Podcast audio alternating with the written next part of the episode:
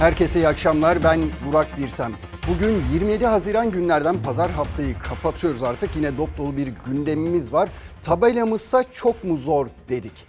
Neden öyle dedik? Çünkü aslında hiçbir şey çok zor değil. Aslında çok basit. Hayat çok basit. Yeter ki yapmayı isteyin. istekli olun, çaba gösterin. Her şey hallolabiliyor. Çok zor değil yani. Örneğin sizin bazı kurallara uymanız çok zor olmamalı ya da bizi yönetenlerin şeffaf olması, bize doğru ve güvenilir bilgiler vermeleri zor olmamalı. Bugün buna dair birçok haber paylaşacağız sizinle ama dün ben bir şey yaşamıştım. Aslında oradan geliyor bu tabela. Bir arkadaşımı ziyarete gitmiştim. Görüştük.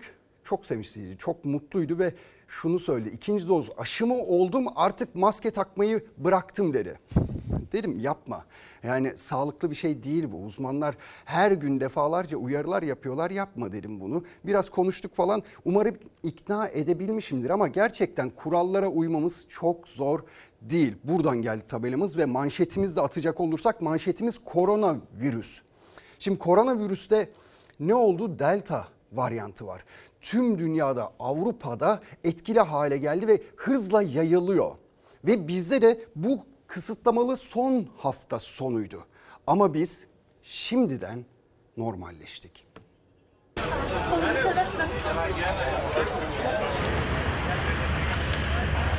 Ne delta varyantının yayılması için ne de insanları işte kapatmak, kısıtlamak için haklı bir gerekçemiz yok bizim artık. Ancak büyük bir tehdit altındayız onu söyleyeyim. Salgın bitmedi ama kısıtlamalar bitti artık. Delta varyantı aşılanmaya geç başlandığı için tehdit ediyor. Pazar günleri uygulanan sokağa çıkma kısıtlamasının sonuncusuydu 27 Haziran. Kısmen boş kalsa da sıcak havanın ve YKS'nin de etkisiyle sokaklarda yoğunluk vardı. Yani açıklanan tarihten önce normalleşti Türkiye. Oysa henüz ne toplumsal bağışıklık kazanıldı ne de vakalarda beklenen düşüş sağlanabildi. Bu yasaklar işe yarayan yasaklar değildi. Özellikle saat kısıtlaması, açık havayla ilişkili kısıtlamalar e, ve gün kısıtlaması hele haftada bir gün hiç işe yarayan bir kısıtlama değil. Taksim İstiklal Caddesi yasaklı günlerin her zaman en kalabalık noktalarından biriydi. Son yasaklı pazar gününde de öncesinden de daha kalabalık oldu. Ama unutulan sadece sokağa çıkma kısıtlaması değildi. Sanki maske yasağının da son günü gibiydi Taksim. Sokakta da kalabalıklaşmamak ve temastan kaçınmak lazım. Aslında rahatlamak için henüz erken ama Profesör Doktor Esin Davutoğlu Şenol'a göre artık toplumun önlemlerinden çok yöneticilerin uygulamaları daha önemli. Vakalar hala 5000'lerin altına düşmedi ama delta varyantı yayılmaya başladı. Şu an toplumun sadece %20'si tam koruma altında hızlı aşılamak için maalesef biz gerekli aralığı kaçırdık. Önümüzde iki tane problem var. Bir tanesi delta varyant adı verilen ve pandemi içinde yeni bir pandemi tehdidi denilen 60 bin piki yaptırtandan da daha bulaşıcı bir varyantın varlığı. %80 korunmasız nüfus, %60-70 sosyal hareketlilik var. Uluslararası varyant getiren kitleler. Biz onlara aşı sormuyoruz. Yurt dışından denetimsiz olarak kitleler halinde turist akını başladı. Profesör Şenol'a göre günde 1 milyonları aşan aşılanma hızına daha önce ulaşamadığımız için şimdi çok daha hızlı olmak gerekiyor aşıyı her köşe başında gayet mobil bir şekilde bundan da çok daha fazla yapabilirsiniz. Hakkari'nin Yüksekova ilçesinde randevusuz aşılama yapılan çadıra ilgi yoğundu. Uzmanlara göre mobil aşılama çadırları aşılama hızını arttırmada kullanılabilir. Çünkü 18 yaş üstünün de aşılanma programına alınmasına rağmen günlük aşılama 1 milyonun altına düştü. 27 Haziran saat 17 itibariyle Türkiye'de birinci doz aşısını olmuş kişilerin sayısı 32 milyon 349 bin 511'e yükseldi. Her iki doz aşıyı olan yani tam koruma altındaki kişilerin sayısı ise 14 milyon 863 bin 393. 16 yaşından itibaren herkesin hızla aşıyla buluşması gerektiğini söyleyebilirim. Aşılanmanın hız kazanması için Sağlık Bakanlığı ünlü isimlerden destek istemişti. Son olarak Cem Yılmaz'dan sonra Kıvanç Tatlıtuğ da aşı çağrısı yaptı. Onların fedakarlıkları sayesinde hayata tutunduk, umutlarımızı koruduk. Şimdi sıra bizde. Aşı olalım. Evet bir son dakika bilgisini de paylaşalım sıcağı sıcağına sizinle. İçişleri Bakanlığı biraz önce 81 ilin valiliğine bir genelge gönderdi ve 1 Haziran 1 Temmuz'dan itibaren tüm Türkiye olarak normalleşiyoruz. Peki normalden kastımız nedir? Hemen o maddeleri ben en önemlilerini sizlerle paylaşayım. Hali hazırda faaliyetlerine ara verilmiş durumda olan tüm iş yerleri 1 Temmuz Perşembe gününden itibaren tekrar faaliyetlerine geçebilecekler. Ayrıca yeme içme yerlerinin açık veya kapalı alanlarında aynı masada aynı anda bulunabilecek kişi sayısına dair kısıtlamalar uygulanmayacak. Kahvehane, kıraathane gibi yerlerde yine 1 Temmuz'dan itibaren oyun oynanmasına müsaade edilecek. Ve bir başka madde konaklama tesislerinde ve diğer başka yerlerde müzik yayınları saat 24'e kadar yapılabilecek. Şimdilik diye de bir not düşülmüş oraya. Bir başkası park bahçe kamp alanı piknik yerlerinde kısıtlamalar kaldırılacak. Tabi şunu da söylemek lazım birçok yerde kısıtlama kalkıyor ama nargile kafelerde nargile satışı yasak olacak. Ona onay çıkmadı. Düğün yapılabilecek ama düğün sırasında sosyal mesafe korunacak eskisi gibi. Eskiden olduğu gibi. Yani halay çekemeyeceksiniz. Karşılıklı göbek atamayacaksınız öyle yakın yakın. Ondan sonra konser, festival, gençlik kampı gibi etkinliklerde kişi başına askeri açık alanlarda 4 metrekare, kapalı alanlarda 6 metrekare yer bırakılmak şartıyla bu etkinlikler yapılacak ama tabii ki maske takmanız şartıyla. Maske çok önemli efendim. Demin bültenin başında da söyledim. iki doz aşı olduk diye maskeyi bırakmıyorsunuz. Çünkü daha yeni Dünya Sağlık Örgütü'nün bir açıklaması var. İki doz aşı olanlar da mutlaka ve mutlaka maskelerini taksınlar diyor Dünya Sağlık Örgütü. Evet bu son dakikayı da paylaştıktan sonra güzel haberler ama lütfen dikkat edin işte. İş size düşüyor biraz bundan sonra. Siyasete geçelim. Dünün en sıcak tartışmasıydı. Neydi o? Kanal İstanbul. Kanal İstanbul'da köprünün temeli atıldı. Olmayan kanalın köprüsünün temeli atıldı dün ve Cumhurbaşkanı orada konuştu. İki lider Sayın Kılıçdaroğlu ile Sayın Davutoğlu daha öncesinde o projede yer alacak müteahhitlere seslenmişlerdi ve biz iktidara gelirsek paranızı ödemeyeceğiz sizin hazır olun buna demişlerdi. Sayın Cumhurbaşkanı yanıt vermişti kendilerine. Söke söke bu parayı sizden alırlar demişti. Dün tabi Sayın Kılıçdaroğlu'nun yanıtını ekrana taşımıştık. Bugün biraz daha sert bir üslupla bir açıklama geldi yine CHP'den. CHP sözcüsü Faik Öztrak konuştu. Dedi ki bu hovardalığı yapanların yedi sülalesinden parayı söke söke alırız. Kanal İstanbul'a karşı çıkıyorlar. Yatırımcıları tehdit ediyorlar. Şu hale bak ya. Biz geliyoruz. E geldiğimizde bilesiniz ki size ödeme yapmayacağız. Sizin elinizden bu yatırımları alacağız. Biz iktidara geldiğimizde herkes bilsin ki bu Talan İstanbul projesine para yatıran hiç kimseye bir kuruş para ödemeyeceğiz. Bankalar projeye ilgi duyan ülkeleri de tehdit ediyorlar. Bu ne terbiyesizliktir ya. Devletlerde devamlılık esastır. Söke söke sizden bu paraları uluslararası tahkim yoluyla da alırlar. Erdoğan söyle Katarlı dostlarına vermeyeceğiz paramara. Bakalım görelim. Söke söke alabiliyorlar mı, alamıyorlar mı? Söke söke alırlar uluslararası mahkemeler yoluyla diyor. Ya Allah aşkına bu nasıl bir tabir? Siyasetin tansiyonu Kanal İstanbul tartışmasıyla yeniden yükseldi. İktidar muhalefet restleşmesinin gölgesinde Kanal İstanbul güzergahındaki ilk köprünün temeli atıldı. O anlarda Cumhurbaşkanı Erdoğan muhalefetin iktidar olduğumuzda bu projeye para ödemeyiz sözleri için söke söke alırlar dedi. Yeni polemiğin adı söke söke oldu. İçinde yaşadığımız dönemin adını Sayın Erdoğan bugün koydu. Söke söke. Bunlar devlet terbiyesi de görmediler. Siz nasıl devlet yönetimine talipsiniz ya? Bunlar tam manasıyla çaylak. Devlet yönetimi nedir? Haberleri yok. Ödeme yapmazmış. Sayın Erdoğan hiç merak etmesin. Biz Cumhuriyet Halk Partisi olarak yıllarca bu devletin içinde bu devleti yönetmiş, devleti bilen, tahkim nedir bilen insanlarız. Bize tahkim mahkim sökmez. O tahkimde davaların hepsini kazanırız. Velev ki kazanamadık. Bir başka mekanizmayı da çok iyi biliriz. Bu hovardalığı yapanların yedi göbek sülalesinden bu parayı söke söke alırız. Muhalefet iktidar değiştiğinde hem Kanal İstanbul projesine giren firmalara hem de bugünkü siyasilere söke söke alırız resti çekerken Erdoğan'ın devletlerde devamlılık esastır diyerek ilk kez kendisinden sonraki dönem için kurduğu cümleler dikkat çekti. Devletlerde devamlılık esastır. Söke söke sizden bu paraları uluslararası tahkim yoluyla da alırlar. Erdoğan sonunda neden seçimden kaçtığını söylemişsin. İktidarı kaybedeceğini biliyorsun. Yabancılara da Türkiye'den paranızı söke söke alırsınız demişsin. Bize sökmez Erdoğan. Ben haram yemedim. Gemilerim yok. Suç örgütleri beni tanımaz. Rehin alamaz. Ben benim, sen de sen. İktidara geldiğim gün bu projeyi durdururum. CHP lideri Kılıçdaroğlu sıcağı sıcağına Erdoğan'ın sözleri için iktidarı kaybedeceğini biliyorsun tepkisi verdi. Muhalefet Erdoğan'ın sözlerini olası bir erken ya da vaktinde yapılacak seçimde iktidar değişikliğine yordu. Şimdi de kendisi kabul ediyor ki artık Millet İttifakı Cumhuriyet Halk Partisi iktidara geliyor. Erdoğan'ın söke söke çıkışıyla Kanal İstanbul tartışması iyiden iyiye alevlendi. Evet yani muhalefet liderlerinin müteahhitlere söylediği sözü Cumhurbaşkanı'nın üstüne alıp da cevap vermesi gerçekten enteresan ve diyor ki devlette devamlık esastır.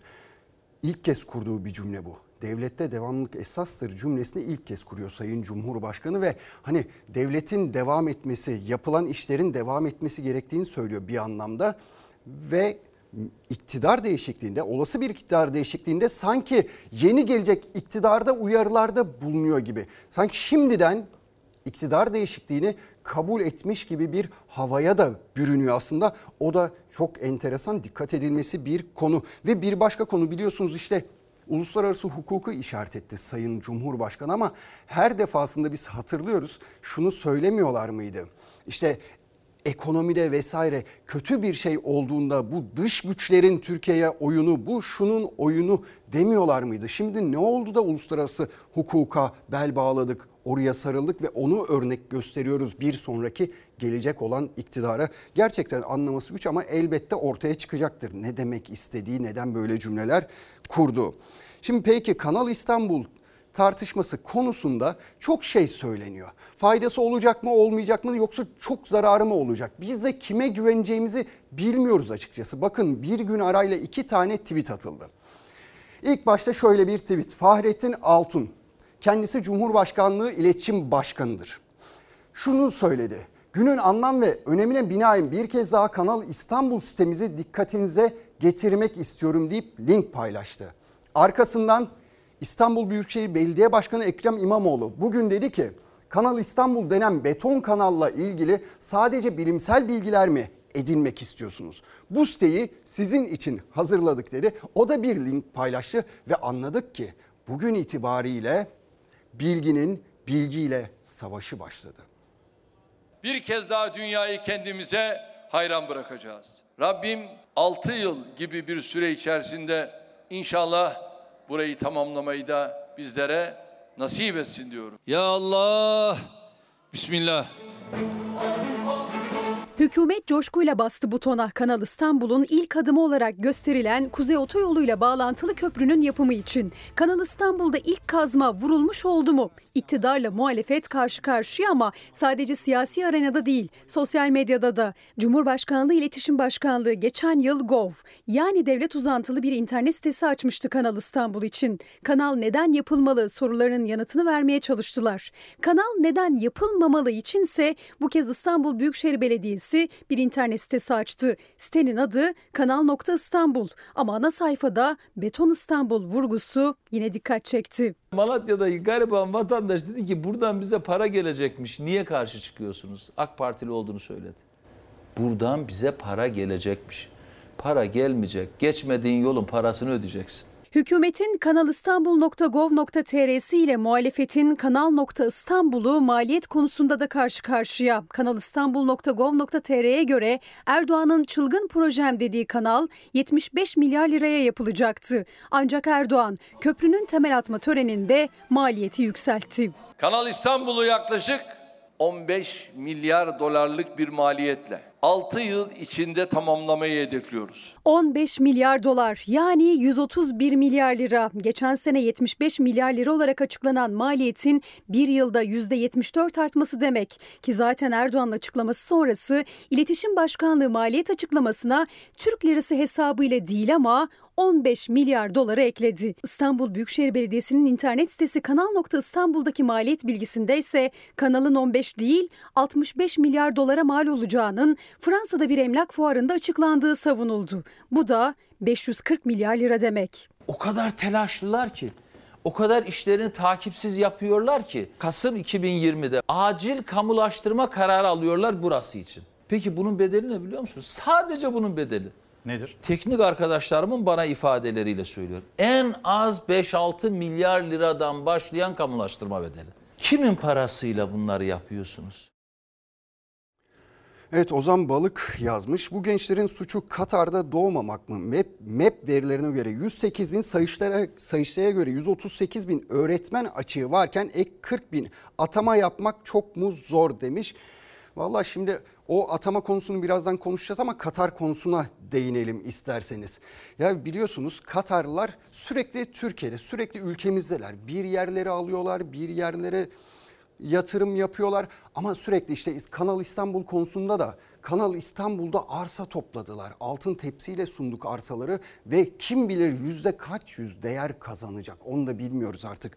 Yani onlar bizi mi çok seviyor biz mi onları çok seviyoruz? Açıkçası nedir bu Katar aşkı anlamıyoruz. Türkiye Cumhuriyeti hükümeti ve Katar devleti arasında Tıp okullarımızı peşkeş çektiğiniz bu Katarlı kişilere ister asker ister sivil olsun bizim çocuklarımıza uyguladığınız gibi bir sınav neden uygulamıyorsunuz? Katarlı askeri öğrencilerin sağlık alanında Türkiye'de sınavsız üniversite eğitimi alması ve ordu evlerinden yararlanması tartışması iktidarla muhalefeti karşı karşıya getirdi. İktidar cephesi iddia doğru değil dedi. CHP liderini yalancılıkla suçladı. Hatlar gerildi. Kılıçdaroğlu iddiasında ısrar etti. Çıkıp bir özür bile dilemiyorsun. Sende hiç utanma yok mu ey Kılıçdaroğlu? Bu askeri gibi çerçevelenmiş ve bilerek ucu açık bırakılmış korkunç bir manipülasyondur. Tıp eğitimi dünyanın en pahalı eğitimlerinden biridir. Neden kontenjanlarla ilgili herhangi bir sınırlama koymadınız? Çocuklarımızın kontenjanından mı vereceksiniz? Kılıçdaroğlu AK Parti'nin sosyal medyada başlattığı özür dile kampanyasını alıntılayarak sorularını ard arda sıraladı. Katar'la imzalanan protokolün ucu açık, sınav, kontenjan, şehir, okul sınırlaması neden yok diye sordu. Sadece askeri tıp eğitimini kapsamıyor dedi. Kataristan çıkışıyla devam etti. Neden Katar? Hep Katar. Kataristan'a döndü bin yıllık devlet. Paranın rengi, dini yoktur. Para paradır. Saray hükümetinin eliyle milletin varlıkları, malı, mülkü Katar'ın üstüne geçiriliyor. Bankalar, limanlar, Kanal İstanbul'un arazileri, ordumuza zırhlı araç üreten şirketler, borsamız ve elbette ordumuzun en stratejik varlığı olan Sakarya Tank Palet Fabrikası. Katarlı askeri öğrencilere sınavsız tıp eğitimi tartışması devam ederken Türkiye ile Katar arasında yapılan anlaşma ve işbirliklerine yenileri eklendi. Meclis Dışişleri Komisyonu'ndan tartışmalar arasında geçen düzenlemeye göre Türkiye FIFA 2022 Dünya Kupası sırasında güvenliği sağlamak üzere Katar'a mobil acil müdahale, özel harekat, bomba imha ve özel eğitimli polis köpekleri eşliğinde çevik kuvvet ekibi gönderecek. Çağrı Katar'dan geldi. Çevik kuvvet istiyor e, Katar. Bunu FIFA bizden istese ya da ülkelerden istese bu kabul edilebilir ama bunun sadece Katar'ın isteği üzerine Türk polisinin sanki bir özel güvenlik şirketiymiş gibi kullanılıyor olması kaygı uyandırıyor. Katar'la bir işbirliği anlaşması da askeri alanda imzalandı. Meclis Dışişleri Komisyonu'nda görüşülmeyi bekliyor. 36 savaş uçağı ve muhtemelen nakliye uçağı ve 250 iyi aşmayacak askeri personel gelecek Türkiye'ye bu kapsamda. Tezkere isteyen çünkü geçici konuşlanma diyor zaten. Öyle basit bir teknik düzenleme olarak geçiştirilemez diye düşünüyorum. Muhalefetin nedir bu Katar aşkı sorusuyla başlattığı Kataristan tartışmasında gözler iktidar cephesinde. Evet gerçekten yani Katar'a yapmadığımız şey kalmadı. Bakınız Borsa İstanbul'un %10'unu aldı Katarlı arkadaşlar. Tank palet fabrikasını verdik. Kanal İstanbul'da işte dönüm dönüm arazi aldılar.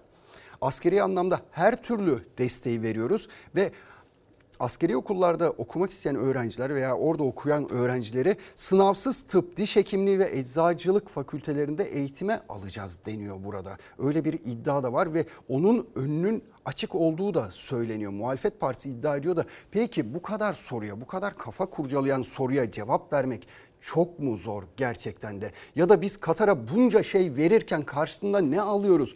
Bunu Türk milleti olarak bizim bilmemiz gerekmiyor mu? Bunları yanıtlamak çok mu zor yönetenler açısından? Elbette değil. Yeter ki istemeleri biraz şeffaf olmaları gerekiyor.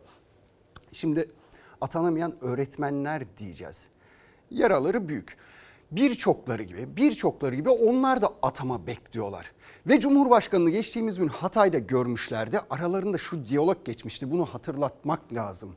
Bir öğretmen, genç bir kız şöyle yalvarıyorum lütfen ek 40 bin atama dedi Cumhurbaşkanı'na. Bir öğretmenin yalvardığını düşünün yapmayın.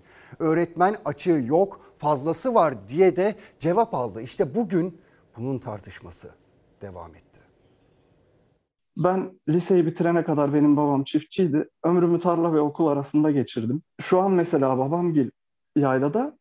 Ben e, aşağıda şehirde kalıyorum. Yanlarında durup da yüzlerine bakmamak için. Hani sanki başarısız olmuşum gibi utanıyorum. Utanıyor ailesinin yüzüne bakmaya ama aslında gurur duyması lazım. Çünkü hem çalıştı hem okudu. Başka çocukları da okutmak için öğretmen oldu. Ancak ataması yapılmadı. Danyal Özaltın gibi atama bekleyen yüz binlerce öğretmen var. Onlardan biri Hatay'da tüm ataması yapılmayan öğretmenler adına dertlerini Cumhurbaşkanı Erdoğan'a bizzat anlatma fırsatı buldu. Ama daha önce iki bakan tarafından yapılan umutlandırıcı açıklamaların aksineydi Erdoğan'ın yanıtı. Öğretmen açığı yok, fazlası var dedi. Yalvarıyoruz size ne olur yalvarıyorum lütfen. Ek 40 bin atama. İhtiyacımız neyse ihtiyacımız. Açık var. Bilmiyoruz. Lütfen Baktığımız zaman Cumhurbaşkanı'nın açıklamasında e, öğretmen açığı yok gibi sanki ülkemizde öğretmen açığından ziyade fazlası var gibi bir algı oluşuyor. Sayıştay raporuna göre 138 bin öğretmen açığı var. Aynı zamanda Türk Eğitim Sen'in yaptığı araştırmaya göre, valiliklerden veri isteyip yaptığı araştırmaya göre 109 bin öğretmen açığı var. Ve bizim ülkemizde 69 bin e, ücretli öğretmen var. Öğretmen adayları 40 bin ek atama bekliyor. Milli Eğitim Bakanı Ziya Selçuk açıklamalarında bütçeyi yani Maliye Bakanlığı'nı işaret etti. Maliye Bakanı Lütfi Elvan ise Mayıs ayında bütçe iyileşirse atama sayısını artırmak isteriz dedi. Bütçemizin e, biraz daha iyileşmesi halinde biz elbette öğretmenlerimize destek vermek isteriz. Bu sayıyı daha da artırmak isteriz. Şimdi bu gelişmeleri biz teker teker takip ediyoruz. Bunun hemen ardından ekonomide %7'lik bir büyüme açıklandı. Bu ek atamayı vermezse birinci olduğum halde atanamıyorum. Atama için puanlar tek yıl geçerli. Her yıl sınava girip her yıl derece yapanlar bile atama bekliyor hala. Ataması yapılmayan öğretmenlerin gözü kulağı bir Milli Eğitim Bakanı bir Maliye Bakanı'ndayken Cumhurbaşkanı'nın sözleriyle tüm umut kapıları kapandı. İhtiyacımız neyse ihtiyacımız. Açık var. Bilmiyoruz. Öğretmen fazlamız var işte bizim ülkemizde. O zaman Haziran ayı içerisinde KPSS'ye neden 500 bin öğretmen başvuru yaptı? Kimse bilmiyor benim anladığım kadarıyla. Sabah 7'de bir masaya oturuyorsunuz, gece 12'lere kadar ders çalışıyorsunuz. Ya ben geceleri uyumamak, sadece ders çalışabilmek adına ilaç dahi kullandım. Özellikle mesela psikolojik danışman olan Ziya hocamızın bu olayın psikolojik yüzünü düşünüp çok daha fazla çabalamasını beklerdim. Aile ve Sosyal Politikalar Bakanlığı'na da buradan seslenmek istiyorum. Bitmek üzere olan aile yaşantımız için bize öneriler nelerdir? Ben şu saatten sonra 27 aylık kızımın geleceğini neye göre inşa etmeliyim? Valla Maliye Bakanı'na sesleniyor hanımefendi de Maliye Bakanı zaten Mayıs ayında yaptığı açıklamayla itiraf etmiş. Hani para olsa cepte para olsa daha fazla atama yapardık ama paramız yok demiş. E, Cumhurbaşkanı da ne diyor? Fazlası var diyor. Yani bakınız devletin Maliye Bakanı'yla Cumhurbaşkanı'nın söylediği sözler birbiriyle çelişiyor aslında. Paramız mı yok yoksa öğretmen fazlamız mı var? Hangisi doğru bunların? Gerçekten çok ilginç yani. Utku öğretmen şöyle demiş. En karlı yatırım gençlerin eğitimine yapılandır. Yahu bunu anlamak çok mu zor demiş. Evet eğitime yapılan yatırımdır ama planlı yapmak lazım Utku Bey. Planlı olmak lazım. Neden? Çünkü her sokak arasında bir üniversite açarsak, plansız bir şekilde üniversite açarsak o öğrenciler oradan mezun olduğunda işte işsiz kalıyorlar. Diplomalı işsiz oluyorlar ve her geçen gün milyonlar ekleniyor onlara. O yüzden planlı yapmak bazı şeyleri. Bakınız aynı şey öğretmenler atamı bekliyor. Aynı şey 3 gün sonra eczacıların başına da gelebilir. Neden diyeceksiniz? Dünyada eczacılık fakültesi sayısında üçüncüymüşüz. İlaç ihracatında ilk 20'de yokuz. 57 eczacılık fakültemiz var. İrlanda'da durum ne onu söyleyeyim. Sadece 3 tane eczacılık fakültesi var ama dünya ilaç üretiminde İrlanda 3. sırada. O yüzden planlı programlı yapmak lazım bu işleri. Fazla üniversite değil az ve öz üniversite gerektiği kadar mezun yaratmak lazım istihdam etmek için. Şimdi hangisine geçelim? Evet esnafımıza, çiftçimize bir bakalım. Onlar da gerçekten çok dertliler. Özellikle esnaf ve çiftçi diyoruz. Çünkü artık maddi olarak da gücümüz kalmadı. Dayanacak gücümüz kalmadı. Yolun sonuna geldik diyorlar ve bir esnaf şu cümleyi kuruyor. Burası da Manisa. Manisalı bir esnaf diyor ki ben artık borç ödemeyeceğim. Allah bana ben sana diyeceğim. Alıyoruz 5'e satayım, satalım diye uğraşıyoruz 3'e olmuyor olmuyor. Çiftçilik bitti. Gübre fiyatı aldı başını gitti. Mazot lisel aldı başını gitti. Bitik abi bitik ekonomi bitik. Pazarda kumaş satanı da dertli, meyve sebze satanı da. Tarlasında aylarca emek verip ter dökeni de. Maliyetler arttı ama aynı oranda zam bile yapamıyor. Ne üretici ne esnaf. Cepten gidiyor hep. Vatandaşın alım gücü de zayıfladı. O tabloda kazanan yok. Şimdi bu kare 4 lira diyor. Geçen sene kaç paraydı? iki buçuk lira alalım. Geçen sene kaç paraydı? He? Aynı para. Aynı para. E nasıl çıkacaksın sen bu işin içinden ya? Şu anda millet zaten sallantıda ben Sallantıda. seni borç ödemeyeceğim ben. Seni borç ödemeyeceğim. Allah Sen beni ben sana diyeceğim. Manisa CHP Milletvekili Ahmet Vehbi Bakırlıoğlu Manisa'nın Kırkağaç ilçesine bağlı Gelenbe mahallesindeydi. Esnafı pazarcıyı ziyaret etti. Benzer cümleler döküldü ağızlardan. 3 yıl önce salataların kilosu 1200 lira, 1000 lira, 1200 lira. Doğalgaz, Bu arada doğalgaz. toptan- Toptan satıyorsun. Toptan E gelen mi dilekçe vardı ama? Aldığımız gübrenin bidon 50 liraydı. Şu anda aynı e, salatalığı bir buçuk, bir üç, bir buçuk, Toptan bir üç, öyle bu arada Toptan satıyor. satıyor. Aynı gübre kaç lira? Kaç para oldu? 200 lira. 250 lira oldu. 3 yılda 5 katına arttı. 50 bin lira borcu olan çiftçi gübrenin fiyatından yakındı. Bir diğeri mazottan. Mazot çok pahalı. Mazot pahalı. İlaçlar, Mağduruz, gübreler. mağduruz. Hemen kestirirseniz mağduruz yani. Bu ülkenin toprakları verimli, insanı çalışkan. Fakat çiftçinin neden yüzü gülmüyor? Bu ülkede adaletsizlik var. Hayvancılık yapanlarla onlara yem satanlar da gidişattan memnun değildi. Ben bu yemi geçen sene 75 liraya satıyordum. Şu an kaç para? Çok aşırı bir iyi yem de değil. Bütün hayvanlar kesimi gitti. Şu anda bizim köyde 1000 litre süt alacak imkanımız yok yani. CHP Niğde Milletvekili Ömer Fethi Gürer ise Niğde'nin İmrahor köyünde buğday üreticisiyle buluştu. Çiftçilik yapan herkes icra. Ülkemizde ne yazık ki 2 milyon hektar buğday tarım ekilen alan artık ekilmiyor. Biçer dövericisine veriyorsunuz, gübresine veriyorsunuz. en son çiftçinin eline kalan belki de borçtur. Yani evine götüreceği buğday da yok yani şu anda. Bu yıl kuraklıkla da boğuşan çiftçi yaklaşan tehlikeye dikkat çekti. Belki bu yıl Türkiye genelinde un fiyatları 250'ye görecek. Yani ekmeğe, una erişmek zorlaşacak. Çok zorlaşacak. Evet biliyorsunuz Cumhurbaşkanı'nın hayalim dediği şehir hastaneleri vardı. O hastanelerin işletme devri bir kısmının Dani- Danimarkalı bir şirkete devril- devredildi. Ve yanıt bekleyen çok soru var ama en kritiğini İyi Partili Aytun Çıray sordu. Dedi ki vatandaşın sağlığa erişim hakkı bundan sonra korunacak mı?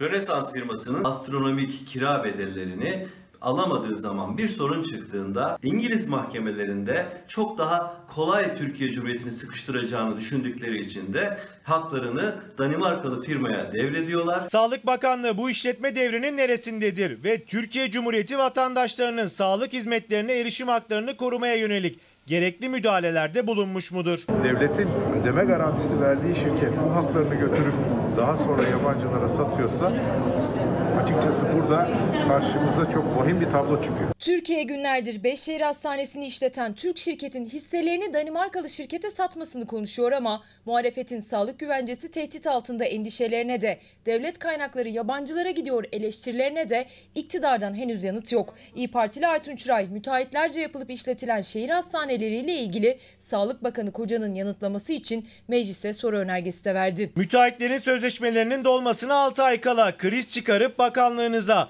işi tekrar bize vermezseniz hastanelerdeki işleri kilitleriz. Kimse sağlık hizmeti alamaz. Tehdidinde bulundukları iddiaları doğru mudur?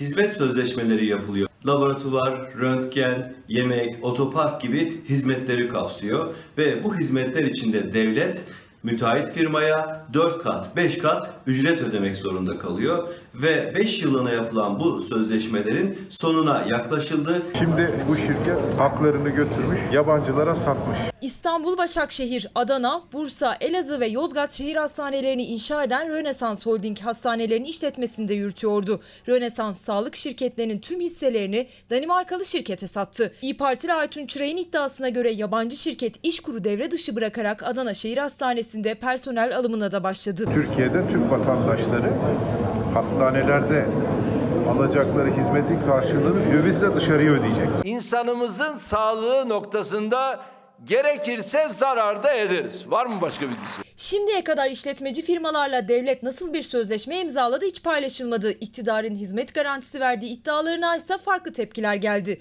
Akıllarda hep bir soru işareti kaldı. En son 2019'da Bakan Koca'dan yap işlet devret finans modeliyle ilgili çarpıcı bir itiraf gelmişti. Finans modelinin sonuçta bir yükü yok mu? 2020 bütçesi içinde konulan toplam rakam 10.2 milyar. Benim bütçemin imkanları müsaitse ki müsait ki bütçeye kondu.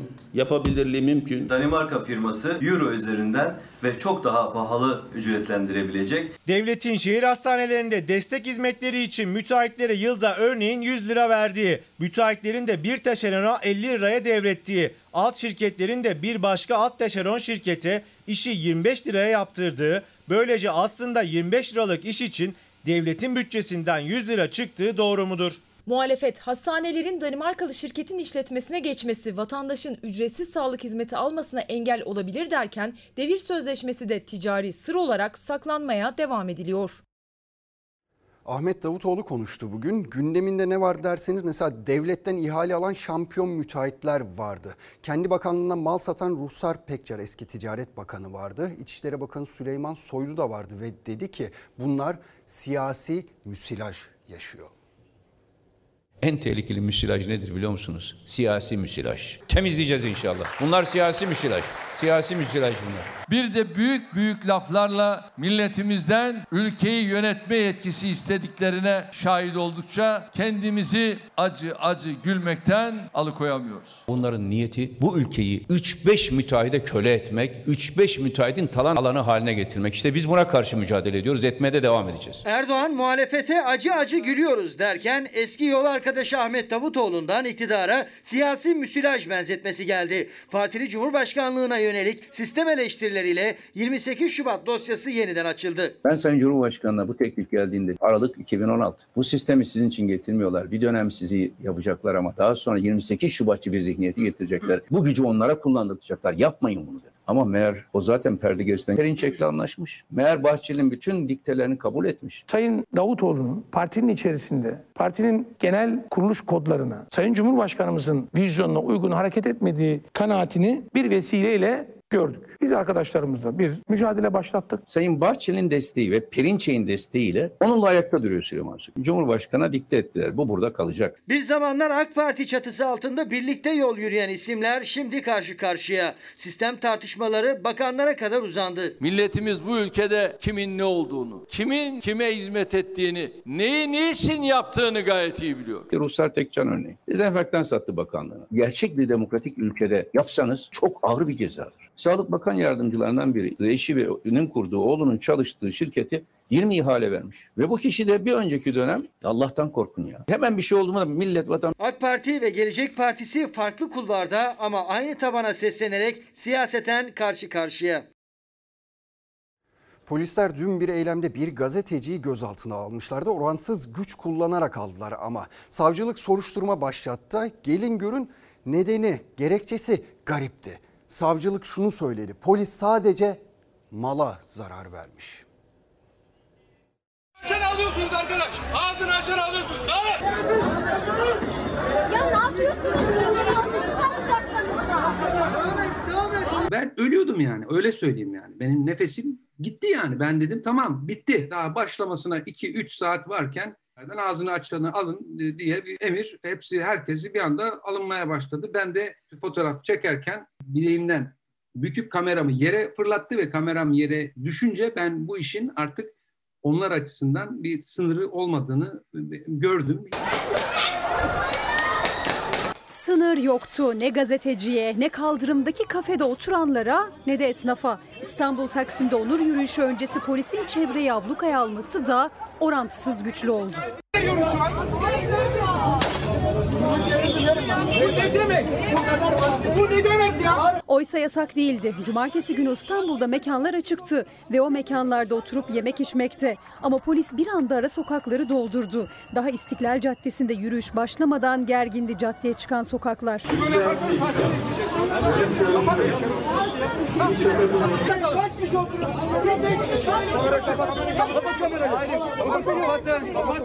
Basın mensubu. Basın mensubu. Çevredeki binalardan korkan çocuklar için ses yükseltenlere polis sert çıktı. Bomba atıyorsunuz çocuklar korkuyor burada. Lan gel sesini. Gel. Gel buraya. İner inmez de gözaltına alındı. Yine çevredeki sakinler polisin bu sert tavrına tepki gösterdi. Taksim sıra sahibilerde ise bir kişi taksiden indirilerek gözaltına alındı. Sadece eylemciler değil sivillerle de karşı karşıya gelen polisin müdahalesini Ajans France Press foto muhabiri Bülent Kılıç da mesleği gereği görüntülüyordu ki o da bu orantısız gücün hedefi oldu.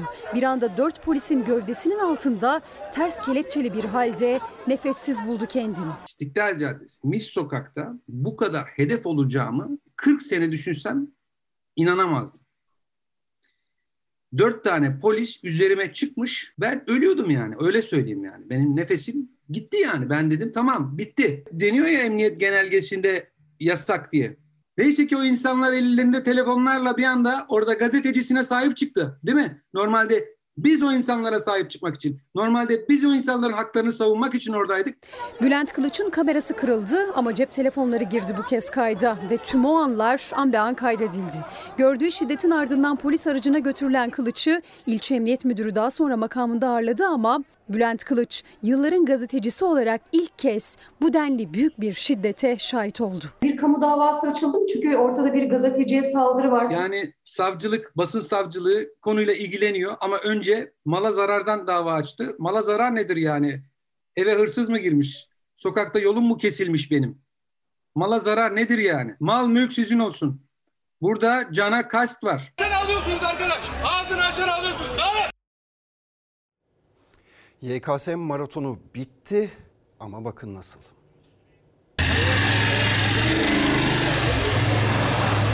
Bitti.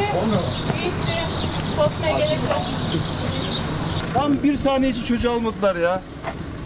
Bir saniye bile geçmedi yazık Ya biz yazık günah bir sene bekleyecek bu çocuk ya. Bu nasıl bir yönetim ya? Kimi kapıdan dönmek zorunda kaldı, kimi ise salona yetişmek için son saniyelerinde bir atlet gibi koşmak zorundaydı. Belgesini unutanlar da vardı, polislerin yetiştirdiği adaylarda. YKS maratonu bu bildik görüntülerle sona erdi. kursa gitti. İnşallah başarılı olur. Yüz eğitimde gene en azından çocuk stresini atıyoruz. Bir şey atıyorlar. Arkadaşlarına görüyoruz. Şimdi evde bilgisayarın başında hep sıkıntı. Bir yıldır süren emekleri bugün aslında gerçekleşen ikinci oturumda netleşmiş olacak. Öğrenciler de bu yüzden heyecanlı ve içeride 180 dakika boyunca ter dökecek öğrenciler. İlkinde biraz sıkıntı çektim anlamakta. Soruların uzunluğundan kaynaklı. Nasıl hazırlandınız bu sene? Biraz zor bir yıldı çünkü. Evet biraz zordu. Okullar açıldı, kapandı. Eğitim tabii zora girdi. Uzaktan eğitimle hazırlanabildiğimiz kadar hazırlandık. En zor yıllardan biriydi adaylar için. Okullar kapalı, salgın devam ederken hayatlarına verecekleri kritik yönün son virajı için ter döktüler YKS'de. Bir yıllık çabası bir anlık dalgınlıkla boşa gidenler de vardı. Son saniyelerde sınav kapısından girebilen de kimliğini unutan bir öğrenci son saniyede girebildi alan yeterlilik sınavına. Abi ehliyet yok mu? Sarı şeyin cebinde. Ne oldu senin? Abi kimliğimi babamda unuttum ya. 3 dakika var. 3 dakika sonra Ben şimdi salon başkanıyla bir görüşeyim. Bilgi vereceğim. Son bir dakikamız aday kalması. Pazar sokağa çıkma yasağı da var ya trafikte yok. Baran baktım çok üzüldüm. Hadi hadi başarılar tatlım hadi. Aileler elleri yüreklerinde bekledi kapıda çocuklarını. Sosyal mesafeyi korumak yine mümkün olmadı. Adana'da şehit Adem Savaş'ın oğlu Alperen Savaş da polislerin desteğiyle gitti sınav merkezine. Gerçekten çok gururluyum. Çok da sevinçliyim. Yani iyi günümüzde, kötü günümüzde bizim yanımızda oldular. Çok az zaman kaldı. Alalım lütfen adaylarımızı eğer bekleyen varsa içeri. Velilerimizden de rica ediyorum. Evet heyecanlısınız farkındayız. Ama burada yığılma yapmanız ve gürültü yapmanız çocukların içerideki performansını olumsuz etkileyecek. O yüzden lütfen burada beklemezseniz çok memnun oluruz. Teşekkürler anlayışınız için. Kapılar kapanmış. Kapılar kapandı. Öğleden önce YKS'nin ikinci etabı başladı. Öğleden sonra ise yabancı dil sınavı vardı. İlk sınavda bayağı zorladılar. Pandemi pandemiden dolayı kolay yaparlar diye tahmin ettik de hiç öyle bir şey olmadı. Ben grafik tasarım okumak istiyorum. Çizimim çok iyi. Çok seviyorum çizim yapmayı. İnşallah kazanacağım. Sınavların sonuçları 4 Ağustos tarihinde açıklanacak. Matematikte biraz fazla zorlandım. O yüzden yapabildiğim kadar yaptım. Sonra çıktım. Böyle son konulardan pek koymamışlar. Sınav gayet zordu yani yine. TYT gibi dünkü. Sayısal tarafı çok zordu benim için. Çok sürem orada gitti. Vallahi açıkçası birçok öğrenci matematikte zorlanmış. Birkaç arkadaşımla konuştum. Çocukları sınava giriyorlardı. Bir iki tanesi iki gündür ağlıyormuş sürekli. O kadar zormuş sorular. Ondan sonra bir başka arkadaşım var. 21 yıllık çok iyi bir matematik öğretmeni İstanbul'da Örsan Örs. Kendisiyle konuştum ve bana şunu söyledi. Olimpiyatlarda, matematik olimpiyatlarında sorulan 3 tane soru sorulmuş bu yıl bugünkü sınavda öğrencilere 2005, 2008, 2013 matematik olimpiyatlarında sorulan 3 tane soru bugün bu öğrencilere sorulmuş. Peki demin öğrenciler de bakın pandemi döneminde daha kolay olur diye düşünürdük. Okula gidemedik diyorlar. Haksızlar mı? Yönetenler. Düzgün bir eğitim verilmedi zaten bir buçuk yıldır bu çocuklara. Kiminin interneti yoktu, kiminin bilgisayarı yoktu. Eğitimde sağlıklı değil artık bunu da kabul edin. Ve böyle bir dönemde olimpiyat soruları sormak ne akıl kârı Allah aşkına. Daha basit şeyler soramaz mıydınız? Kusura bakmayın ama bu öğrenciler eğer başarısız olurlarsa onların suçu değil. Sizin yönetenlerin suçu. Bu soruları hazırlayanların suçu ve denetlemeyen belki de Milli Eğitim Bakanı'nın suçu. Sizin suçunuz değil öğrenciler yani. Şimdi sizi İzmit'e götüreceğim. Orada bir köy okuluna istenirse oluyormuş diyeceksiniz ve bakın bu okul örnek olsun. Parke döşemekle başladık. Sonra gübre taşıdık, sürdük, çapaladık, bit ektik. Domatesler, çilekler ve daha onlarca sebze meyve. Her birini de o küçük eller ekip yetiştirdi. İdealist bir öğretmen müdürü olduğu köy okulunun bahçesini 1 liralığına kiraladı ve öğrencileri için koca bir tarlaya dönüştürdü. Çubuklu Osmaniye'deki köyleri gezdik. Oradan çiftçilerimizden bilgi alarak tohumlarımızı ektik. Kocaeli'nin İzmit ilçesinde bir köy okulu burası. Çubuklu Osmaniye İlkokulu. 8 köyün öğrencileri taşımalı sistemle eğitim görüyor burada. 2 yıl önce okula müdür olarak atanan Kerim Öz, öğrencileri için bir tarım projesi hazırlamaya karar verdi. Uzağa gitmeye gerek yoktu. Hemen arka taraftaki arazi atıl durumdaydı. Araziyi 1 lira karşılığında 4 yıllığına kiraladı. Önce 500 metreyle başladık. Daha sonra bir dönüme. Şimdi ise gördüğünüz gibi 1,5 dönüm alana yayıldık. Tarım İl Müdürlüğü ve Milli Eğitim Müdürlüğü destek verdi projeye. Ziraat mühendisleri çocuklara tarımı anlattı. Ya bak Kerem sen buradaki filizi de koparmışsın. Ortayı koparacaksın. Öğrencilerimiz her sebzenin e, dikilişinden budanışına ve hasadına kadar işin içindeler. Öğrencilerin bahçe ektiği tohumlar zamanla filizlenip boylandı. Domates, sarımsak, biber, çilek ve daha onlarcası. Derslerimi yapıyorum. Okul çıkışı da geliyorum bahçede yani yardım ediyorum. Mesela sınavdan önce bahçeye bakınca böyle motivasyonu tamamlıyorsun. Gidiyorsun çok güzel bir şey yani. İklimin el vermediği ürünler için seralar kuruldu. Kamu kaynağı da kullanılmadı üstelik. Aşağıda bulunan dere yatağından buraya e, elektrik ve e, su sistemi döşedik ve buraya suyu dere yatağından getiriyoruz. Bulunduğumuz ortamı değiştirmemiz gerektiğine inanıyorum. Çünkü sadece eğitim öğretimde olmuyor. Ve çocuklarımıza bir yaşam alanı sunmamız gerektiğine inandım ve böyle bir işe başladık. Köy okulu artık bir doğa okulu aynı zamanda. Doğayla iç içe eğitim gören çocuklar mutlu. Bu nehirde balık vardır tabii. Yetişen ürünün fazlası ise yurttaki öğrencilere gidiyor.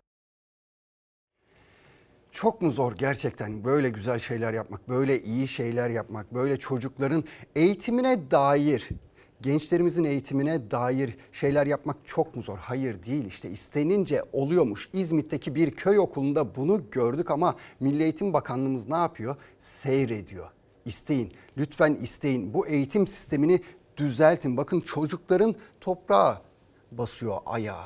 Çiçeklerle, sebzeyle, meyveyle uğraşıyorlar ve o kadar mutlular ki kendilerine özgüvenleri gelmiş o çocukların. Derslerinde de başarılı olacaklar. O yüzden bu tür şeylere daha çok dikkat edin lütfen. Şimdi kısa bir ara. Ana haberi burada noktalıyoruz. Bizden hemen sonra Şef Akademi var yeni bölümüyle. Yarın saat 19'da Gülbin Tosun sizlerle birlikte olacak. Güzel bir hafta geçirmenizi diliyorum. Umarım yüzünüzü güldüren güzel haberler alırsınız. Hoşçakalın. ezilir yerler için bir başkadır benim